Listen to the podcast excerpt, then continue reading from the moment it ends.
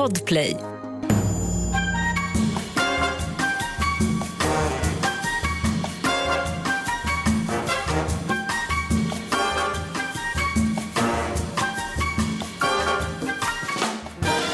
Välkommen till podcasten Jägaren med mig, Daniel da Silva.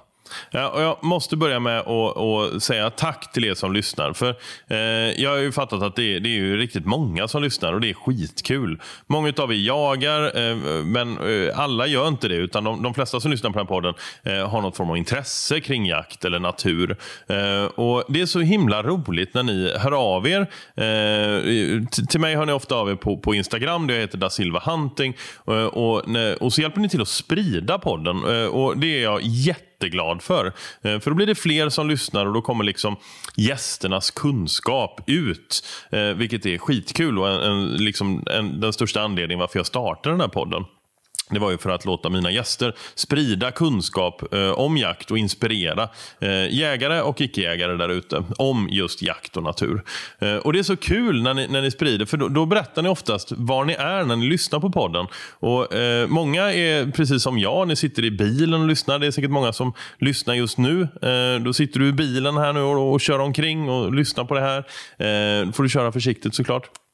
Eh, och Sen så är det många som eh, håller på med någon form av jaktlig aktivitet. Eh, ni är slaktborden eller eh, ni är ute och plockar bär eller ni är ute och röjer pass och håller på. Eh, till och med vissa som sitter på pass. Det, det, skulle jag faktiskt inte rekommendera. Så sitter du på pass just nu och lyssnar på den här podden. Stäng för guds skull av. Fortsätt lyssna sen, men stäng av podden och, och koncentrera dig på jakten istället. Man kan inte lyssna på podd och jaga samtidigt. Eh, så, så, så fortsätt lyssna sen. Men oavsett var du är, eh, eh, förutom du som sitter på pass, då, eh, hoppas jag att du ska njuta av detta avsnittet eh, som är tillsammans eh, med eh, Helena Lyckoskog. Eh, Helena är en person som brinner för hundar. Eh, vi pratar mycket om eftersök, viltspår. Eh, vi pratar om massa saker. Eh, det var skitkul att träffa Helena och jag hoppas att ni ska gilla detta avsnittet. Eh, vi drar igång det alldeles strax, men först så startar vi precis som vanligt med vår huvudsponsor Chevalier.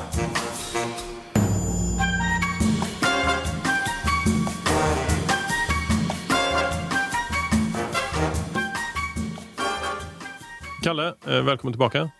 Tack så mycket. Idag så ska vi inte prata om något specifikt plagg utan idag tänkte jag att vi ska prata om vattentäthet. Någonting som många jägare är intresserade av, att hålla sig torra på jakten. Vad, berätta, jag antar att det finns hur mycket som helst att tänka på. Men vad, vad är liksom det viktigaste när ni tillverkar plaggen för att de ska bli vattentäta? Uh, ja, uh, ja, det är som du säger, det är ju ett väldigt komplext uh, begrepp, mm. vattentäthet. Och Det vi tänker på är ju att plagget av sin konstruktion ska vara vattentätt. Mm.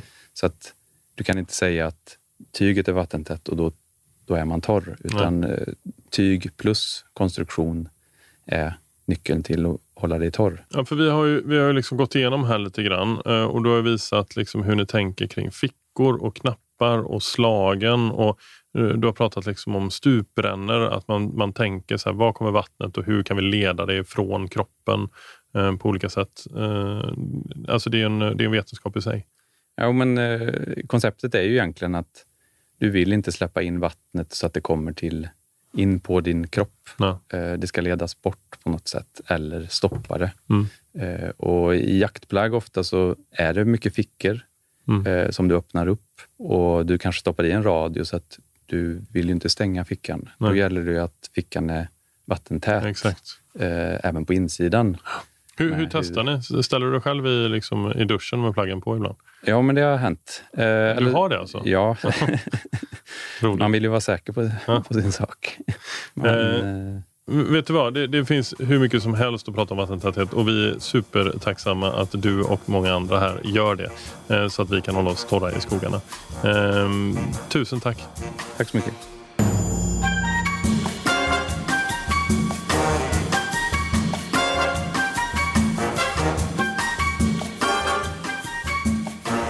Då sitter jag här med eh, Helena framför mig.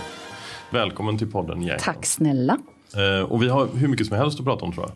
det är mycket som är kul. Ja, men för när jag har liksom gjort lite research i alla fall eh, så har jag förstått då att du Eh, ja, men du har tränat hundar sedan barnsben och du har haft kurser i det sedan 2006. Eh, jobbar som lydnadsinstruktör, du dömer viltspårprov, tränar eftersöksekipage, håller utbildningar för blivande viltspårsinstruktörer föreläser och skriver i olika tidningar. Du har skrivit en bok, håller på med din andra bok. Mm. Eller du har skrivit Den är klar. Den är klar. Mm. Ja. Och så brinner du för fotografering och matlagning och har en Ken. Alltså så vi har en hel har del att att prata om. Mm, Ja. Absolut. Det är jättekul. Ja. Eh, och jag, jag själv har ju, nu har jag tjatat om det här i podden hur många gånger som helst. Så, så alla som lyssnar, brukar lyssna vet att jag har en liten hund som heter Uffe. Ja. Eh, Men, eh, och, och honom kommer, han, han är nog inte liksom en eftersökshund framöver. Eh, Men, eh, men det är klart att eh, jag kommer använda honom på lite olika sätt. Men det är framförallt en stötande fågelhund, en spaniel. Japp. Eh, Men, och du har ju fyra hundar själv. Eh, Och nu ska jag se om jag får till uttalet här. För du har två stycken Drenche Patriche. En faktiskt bara. Ja, En, en, okej. Drenche Patreschon. Dren, dren, dren, eh, Drenche. Drenche Patriche.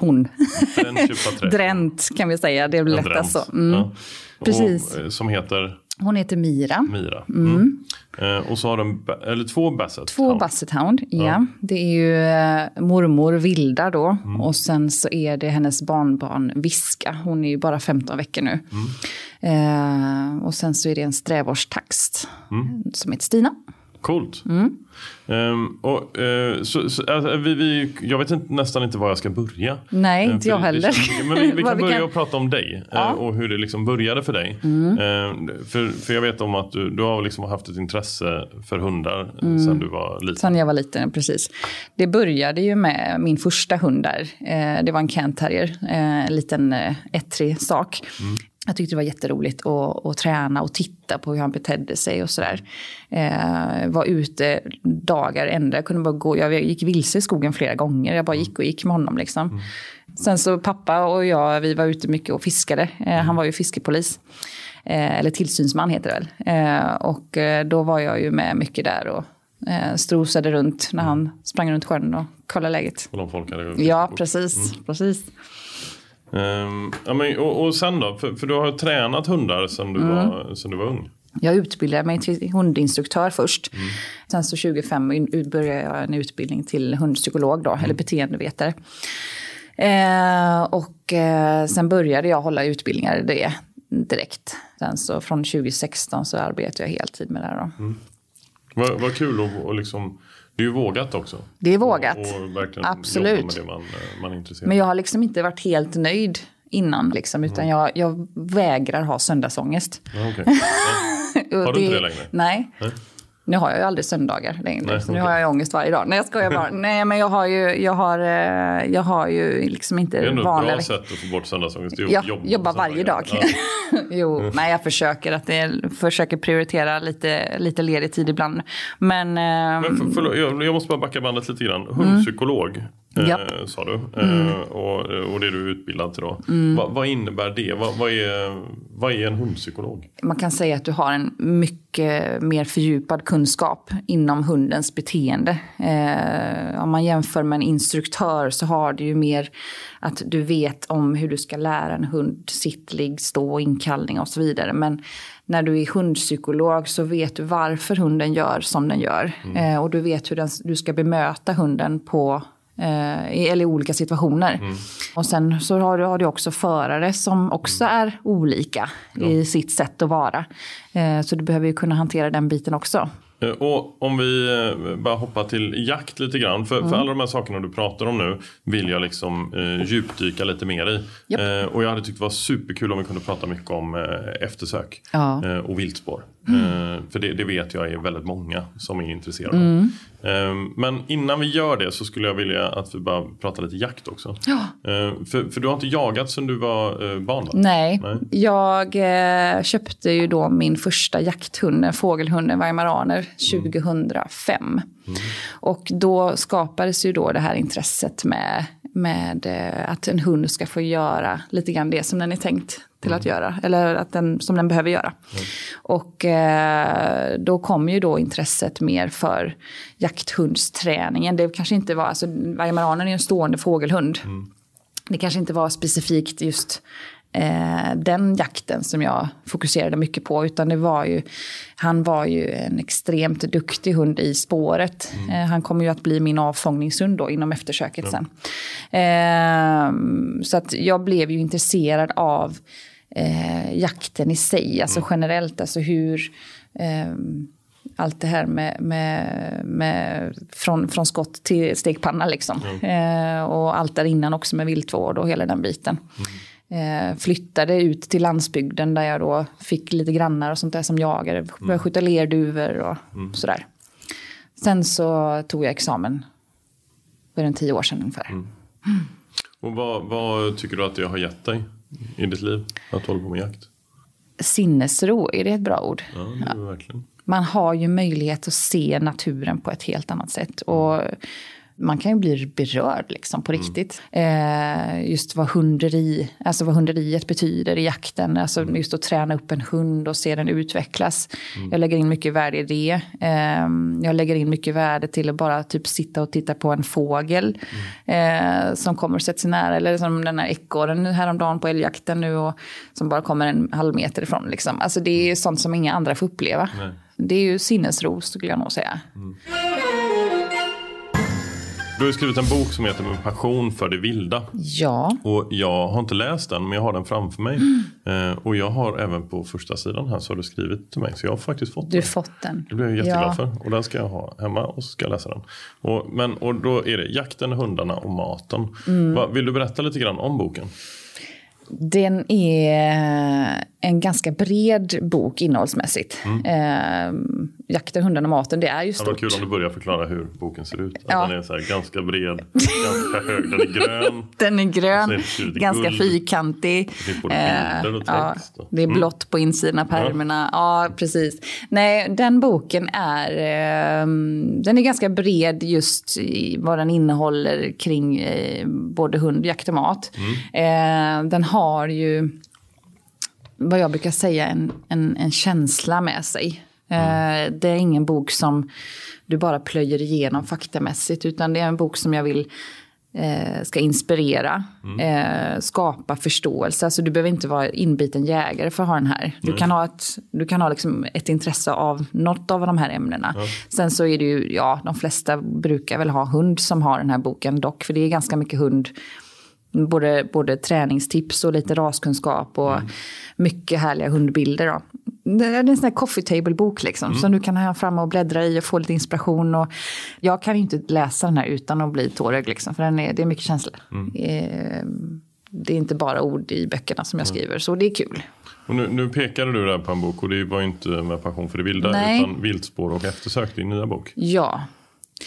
Uh, och den är då mer riktad till jägare då antar jag? Eh, nej. nej. det här är, alltså som viltspår, där har vi ju en oerhört stor målgrupp. Ja, det, alltså, det kan ju ja. vara vem som helst som har en hund som vill mm. aktivera den på något sätt.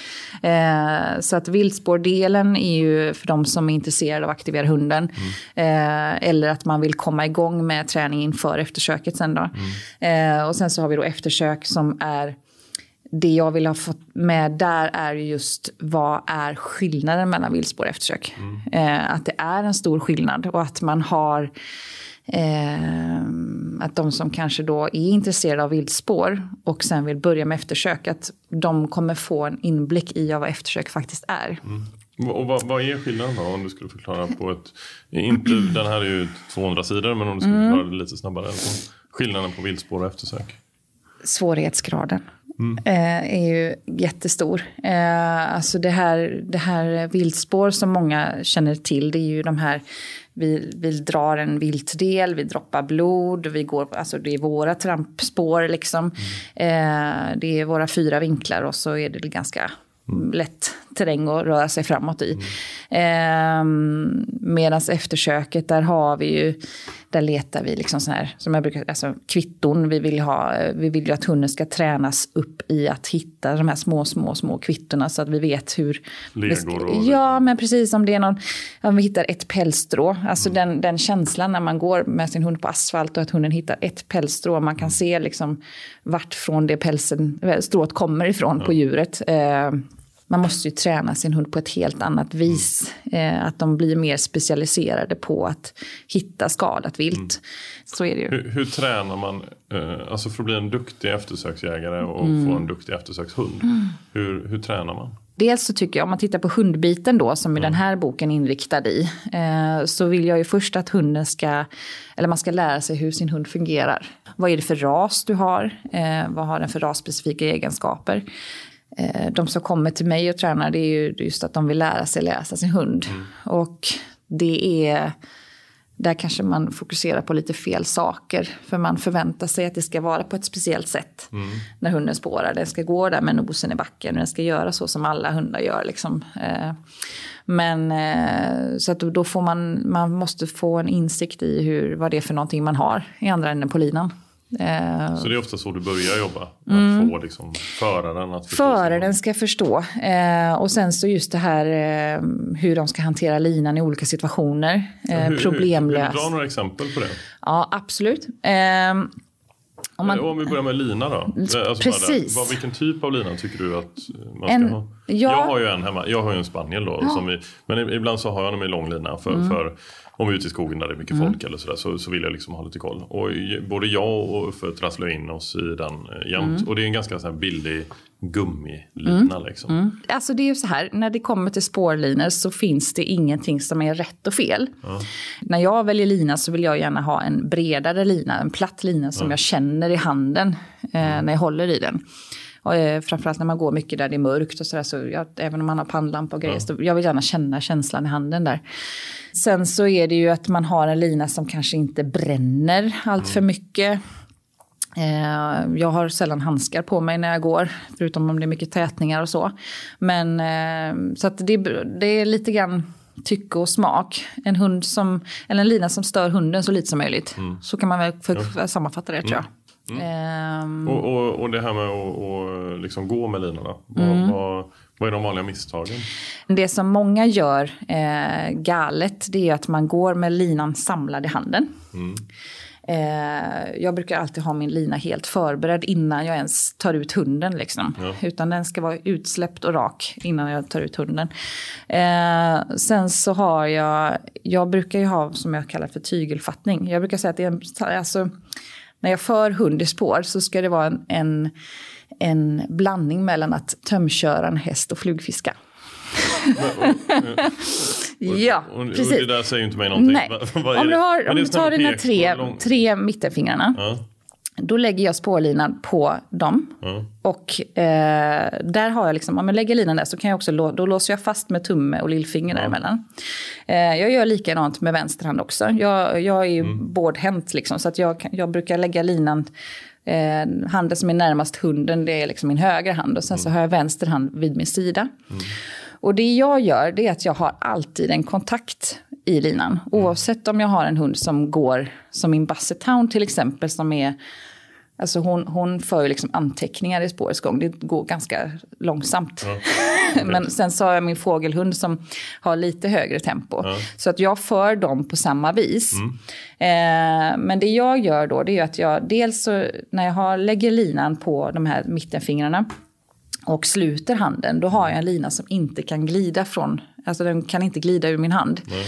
Där kan jag ha ett konstant motstånd hela tiden. Eh, är det så att min hund eh, saktar in mm. och då att jag, jag, jag stannar ju alltid när hunden stannar. Mm. Men är det så att den saktar in och kanske vänder upp mot mig, då blir ju linan slak. Mm. Och det som händer då, det är att hunden brukar trampa över linan.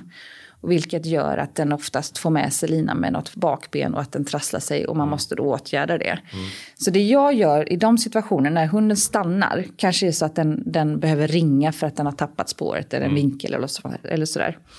Det jag gör då det är att jag tar min vänstra hand och så där kommer flugfisket in. Så mm. drar jag bara in den. Så att jag har hela tiden det här mm. motståndet. Okay. Och sen när hunden går iväg igen så öppnar jag bara upp handen lite grann och så får hunden jobba ut linan. Sen så har jag det här motståndet på hela tiden. Det där låter smart. Det får man ju träna du, på. det är smart. Mm, jag har, jag har eh, hållit på ett tag och, och finulat ut här så jag tycker ja. att det har blivit bra.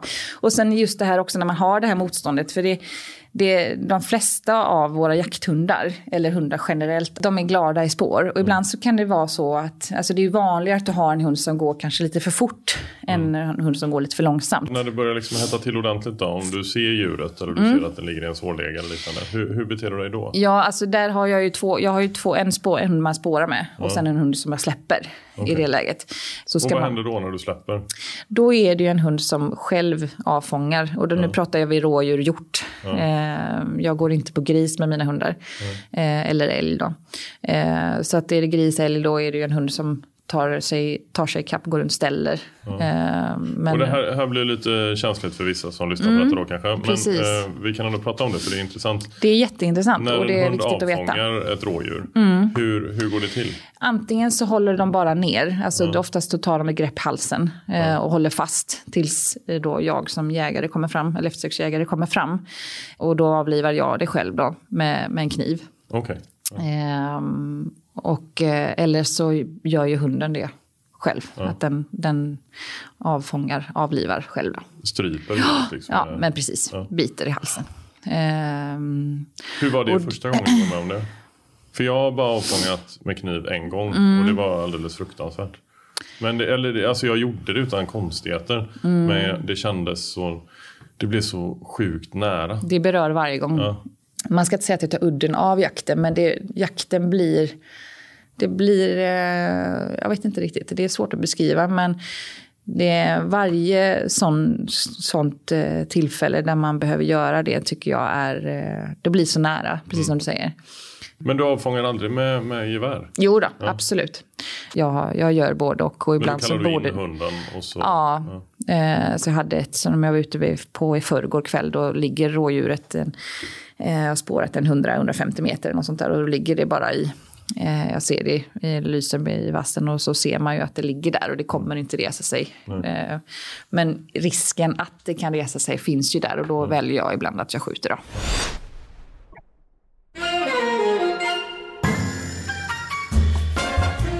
Är det nästan 100% av eftersöken som är trafikrelaterat? Eh, för min del? Ja. Eh, ja, det skulle jag nog nästan säga. Ja. Eh, jag går... I år har jag väl haft två, tror jag bara, eh, jaktliga. Eh, Agerar man på olika sätt? Om det är trafik. För om det är under pågående jakt, Mm. då, jag menar är det på natten då går du med lina. Eh, Men, eh, eller vad händer det? När, när, när går man in? Om jag frågar så här, för jag kan ingenting om det. Nej. Eh, när går man inte med lina? Ja, det är ju om du behöver släppa hund och ta, som att den ska avfånga. För du kan aldrig, alltså en, en som Men ett spår, rådjur. då har du alltid lina. Ja, spår har jag alltid dina. Eh, har du ett djur som är alltså, alltså en käkträff eller ett trebent rådjur, alltså du kan ju aldrig spåra ikapp dem. Eh, det går inte, utan då får du ha en hund som du släpper i de lägena. Men jag har eh, på, på en mark där jag jagar, där har vi speciella eftersökshundar då. Ehm, och ekipage som kommer ut eh, om det behövs. Och de är ju så otroligt duktiga. Alltså det, är, ja, det är helt sjukt. Det är, Mm. Det är många timmar bakom där. Ja, och det, Mm. det kan vara långt, långt efter. Jag vet att de har varit ute någon gång liksom dagen efter och det har regnat och det är på en mark Mm. där det är hur mycket vilt som helst. Och ändå så hittar de liksom. Nej, men det ser man ju bara i, när vi tittar på viltspårreglerna. Alltså där måste det gå tio dagar mellan vi använder samma provmark igen. Eh, men det kan jag ju märka att även om, om jag kommer och tar ett spår.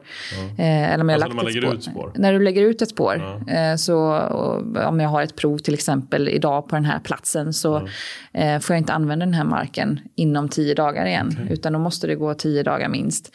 Jag brukar ha två veckor just för att jag märker att hundarna faktiskt känner ändå. Alltså det, de är ju hjärnkirurger i ämnet liksom. Men hur ofta händer det? För när du släpar, och är det blod och sådär då så är det en annan sak. Men om Mm. du liksom bara släpar en klöv.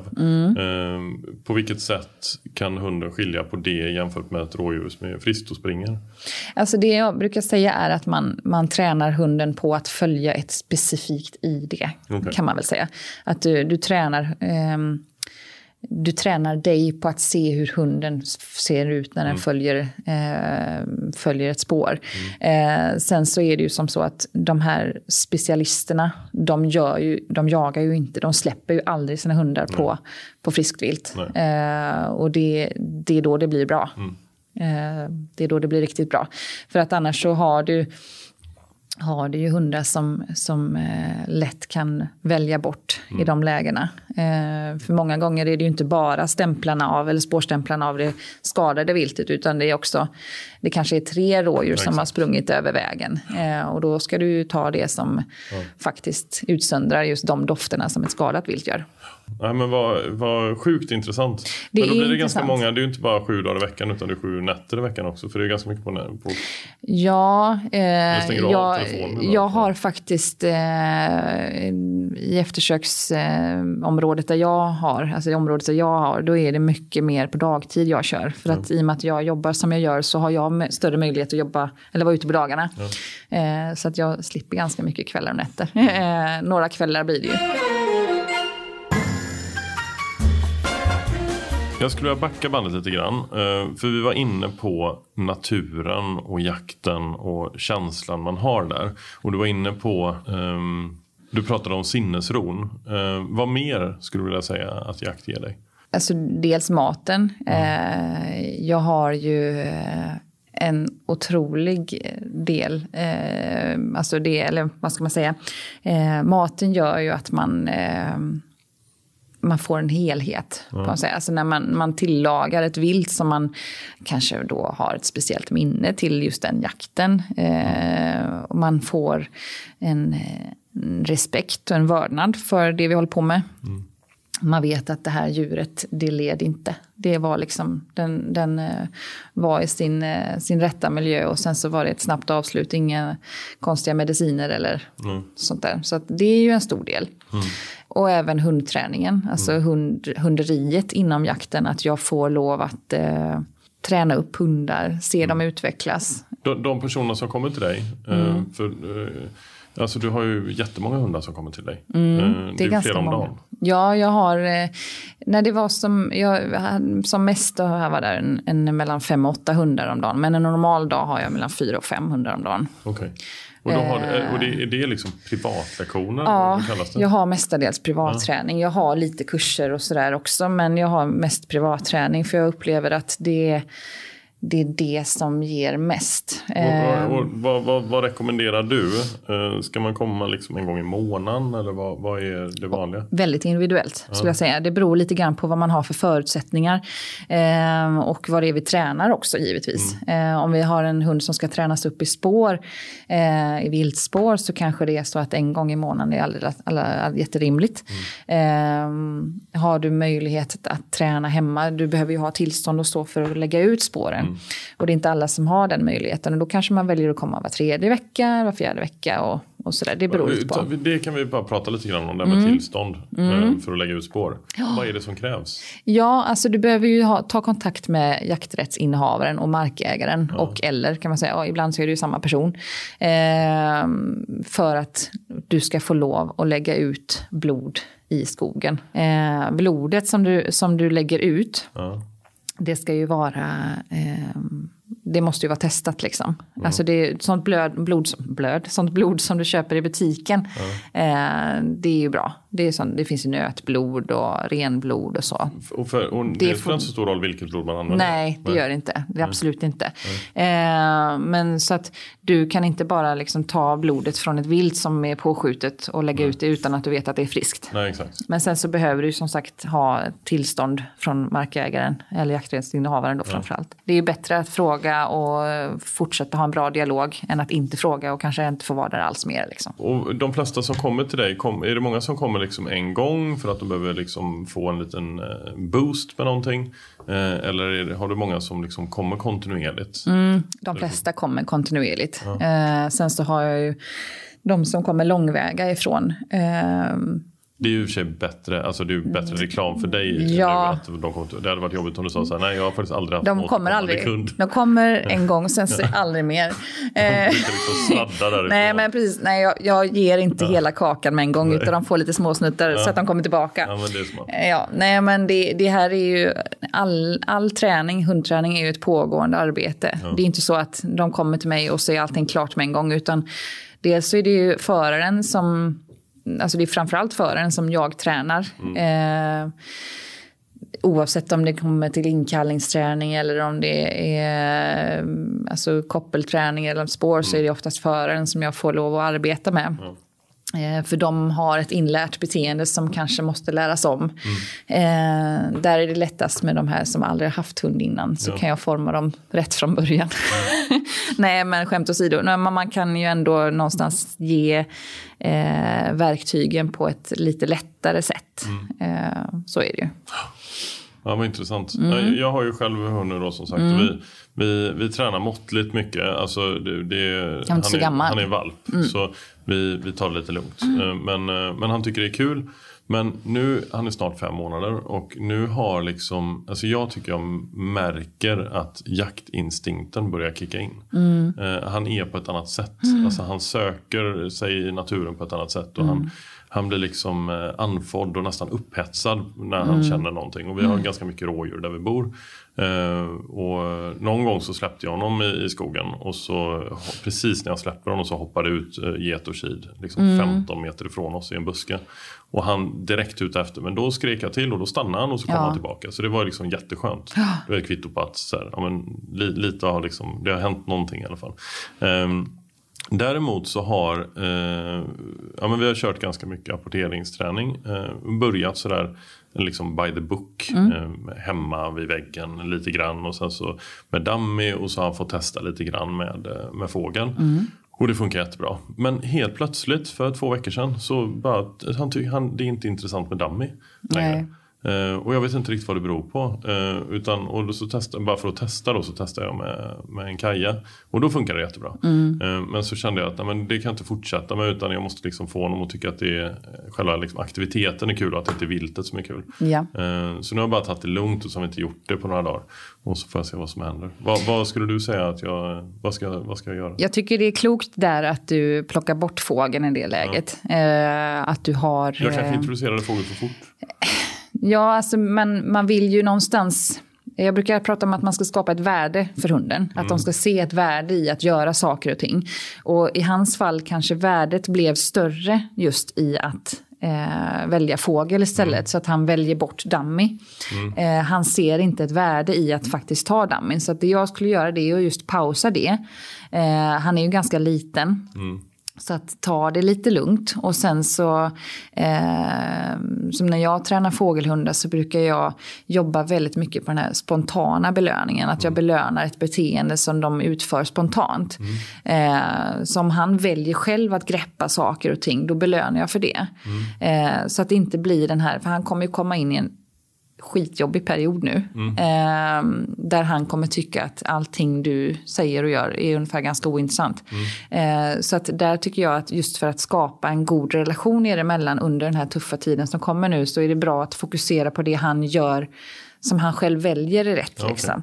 Mm. Eh, så om du låter saker och ting ligga framme som han får lov att bära mm. och han väljer själv att göra det, då skulle jag liksom, gud vad du duktig du är, jättebra att klappa okay. om. Liksom. Mm. Så att han, han ser, ja men om jag gör så här, då kommer det här resultatet. Okay. Istället för att nu sätta honom i skolbänken. Alltså det är, han, han kommer vara liksom som en trött tonåring. Liksom. Han vill hellre dra till Liseberg och, och mm. käka fåglar. liksom. eh, han, vill inte, han vill inte sitta i skolbänken och plugga matte nu. Liksom. Alltså jag, jag, ska vara den vuxna i vårt förhållande. Mm. Det det ja. man är ju inte alltid det. Alltså man blir så här, eh, alltså man blir inte hård men man blir lite så här grin inombords. Mm. man säger, vad mm. fan det funkade ju förut, vad har jag gjort nu? Och, mm. eh, och det känner ju han av såklart. Det är klart han gör. Eh, och så blir man lite frustrerad mm. i det. Liksom. Mm. Och han eh. blir säkert än mer frustrerad för han kanske inte riktigt förstår heller. Nej exakt. Nej. Och det, det är så lätt att tro att så här, Jo men eh, bara för att de kan några gånger så tänker man nu mm. sitter det, nu kan vi gå vidare. Men eh, nej, nej, alltså det, det, det, är ju en, det är ju en djungel det här. Alltså. Det är en djungel. Ja. Och det är väl det också att man, vi har en tendens att glömma av att de faktiskt är hundar. Ja. Eh, och att de har, alltså deras utvecklingsstadie ser ut på ett speciellt sätt och inlärningsprocessen ser ut på ett speciellt sätt. Ja. Eh, och att vi inte är liksom Vi kan inte förvänta oss samma sak som den hunden vi hade innan eller den här hunden som grannen har. Eller, vi kan inte tänka att allting är på samma vis för alla. Utan nej. vi måste se till den här individen. Om han just nu känner att nej du, jag vill inte bära den här dammin. Det kanske inte är det du ska fokusera på utan Nej. fokusera på att skapa en härlig relation som gör att du inte känner dig irriterad eller sådär. Utan fokusera på sånt som är kul. Ni har gott om tid på er liksom.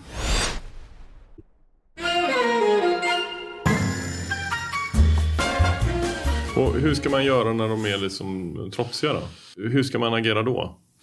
Alltså jag, lite där en, om, jag, om jag ska säga till min hund att den ska sitta ner mm. och den inte gör det med en gång. Alltså jag, kanske, jag är tydligare men jag är mm. absolut inte otrevlig. Så ska jag säga. Jag alltså, lyfter... Det hade varit för kul om du bara, alltså jag blir Jag blir jävligt arg och slår den på röven. jo men det är ju det här att jag, jag är... Eh, för om du i det läget mm. säger till hunden att du, din, du måste sätta dig ner nu. Mm. Alltså vad blir liksom själva... Eh, en del kanske känner just att nej men, ja, men om jag, då måste jag slå till den på rumpan eller jag mm. måste liksom bli förbannad och arg och jag drar ner den. Och det jag gör när jag tränar hund, oavsett om det är att hunden inte sätter sig ner tillräckligt fort eller, eller om man säger så här, det jag gör när jag tränar hund mm. eh, generellt, det är ju att jag försöker ju tänka att min hund ska vilja göra det jag ber om mm. för att den ser ett värde i det. Mm. Jag återkommer ofta just det här värde, värde i träningen mm. för hund. Och jag försöker också tänka att min hund ska vilja göra de här sakerna utan att jag hanterar hunden. Ja, exakt. Alltså jag brukar ju träna hundarna som, som om att de är lösa. Mm.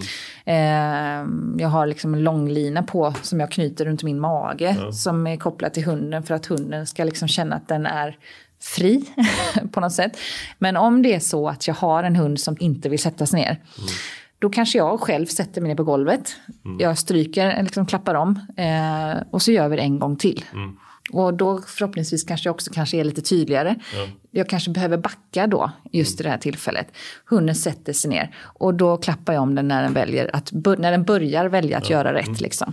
Bra, nu var du duktig. Mm. Jag ger inte massa köttbullar hela tiden, men jag är väldigt kommunikativ. Ja. Jag berättar för dem att du är jätteduktig nu och jag stryker dem mycket. Liksom. Ja. Eh, men ibland så kommer man in i en situation där man själv känner så här, men gud vad ska jag göra? Vad, ska, ja. vad är egentligen rätt nu? Ska jag, eh, ska jag göra så här eller ska jag mm. göra så här? Mm. Um, så det, och sådana här frågor poppar ju upp hela tiden. Ja, det gör det. Men, och just nu är han inne i en situation, nu handlar inte den här podden om Uffe, men bara, för det, det kanske är några som känner igen sig som också har en ung hund. Mm. Men uh, vi har tränat ganska mycket på att gå bra i koppel. Uh, och det fun nu funkar det inte alls helt plötsligt. Men när han inte går i koppel, då funkar det jättebra. Och han är ju en spaniel och han är avlad för att inte liksom, och vi har, vi har tränat mycket på inkallning och sådär. Men han sticker verkligen inte långt. Utan Nej. är han mer än 15 meter och visslar jag till och då kommer han direkt mm. hela tiden. Så det funkar jättebra. Men just med koppel så är det lite stökigt just nu. Ja. Uh, och då har vi liksom så här, vi har gått kurs och man ska backa och han ska komma in och göra en utsväng och så ska man fortsätta och sådär. Men man kommer ju fan inte framåt. Alltså så här, 100 meter kan ju ta hur lång tid som ja. helst att gå. Där är det, alltså det där är så vanligt. Ja. Eh, jag har jättemånga hundar som kommer till mig just av den här, eh, jag kan inte gå i koppel. Ja. och framförallt hundar som har stort intresse av allt som händer runt omkring. Mm. Och hundar också som kanske har blivit missförstådda. Mm. Eh, som kanske har blivit tränade på ett sätt som vad ska man säga, alltså man har prövat på många olika. Du får mm. råd där och där och därifrån och så testar du alla, hunden förstår ingenting.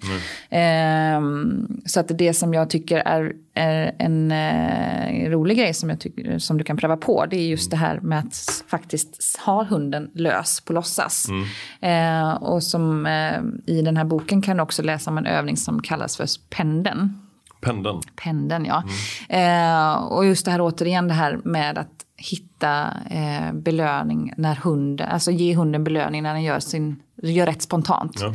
Eh, att du har hunden fri mm. och varje gång den kommer och söker sig till dig, mm. bra vad du är duktig. Du behöver liksom inte köra godis hela gång, mm. varje gång, men sätt dig ner, klappa om dem, jättebra, en god bit ibland. Eh, det här är ju lite grann vid sidan av pendeln tycker jag, men mm. att man faktiskt tänker att min hund ska välja att vara mig för att den vill det. Den ser, ett, en, den ser liksom ett värde i det. Den ser mig som en resurs, liksom, mm. en cool person att hänga med. Mm. Eh, där också att man hittar på saker som hunden tycker är kul. Mm. Jag brukar jobba mycket med, framförallt som med valpar, mm. eh, unghundar.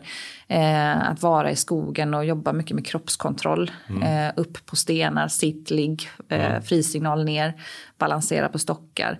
Eh, de, behöv, de har liksom inget behov av motion på det sättet i den här åldern, utan det är mer att hjärnan får liksom mm. jobba och, och, att den får arbeta med kroppen, eller liksom träna upp kroppen, mm. så kan mm. man väl säga. Eh, så att jag tycker du, du kan ju testa på de delarna lite mm. grann. Och, alltså jag brukar säga ha, du kan ha eh, linan som du då knyter runt magen. Mm. Tar du den så får du en elstöt. Så mm. säger jag på mina kurser. Du får mm. inte lov att röra linan liksom. Utan du måste jobba med ditt kroppsspråk. Mm. Du måste jobba med din, ditt röstläge. Mm. För det är inte hunden som kommer förändra ett beteende först. Utan du måste förändra ditt beteende först. För att sen märka då att hunden gör på ett annat sätt. Och då kan du belöna det. Ja, grymt.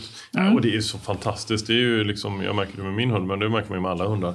Just det du sa, att alltså, glädjen som infinner sig i hela deras kroppsspråk när de får ja. göra det. Alltså, när, vi, när, jag, när jag släpper Uffe i skogen eller i, liksom, på eh, någon, någon uppvuxen vall eller liknande. Mm. Alltså, det, det kroppsspråket han har då, det, det är liksom man blir tårar. De ler med hela alltså, ansiktet. Ja, ja, nej, han, han är, då är han så mm. lycklig mm. liksom, när han får skutta omkring mm. och det är liksom snårigt. Och han, mm. Ja, det är mm. underbart att se. Mm.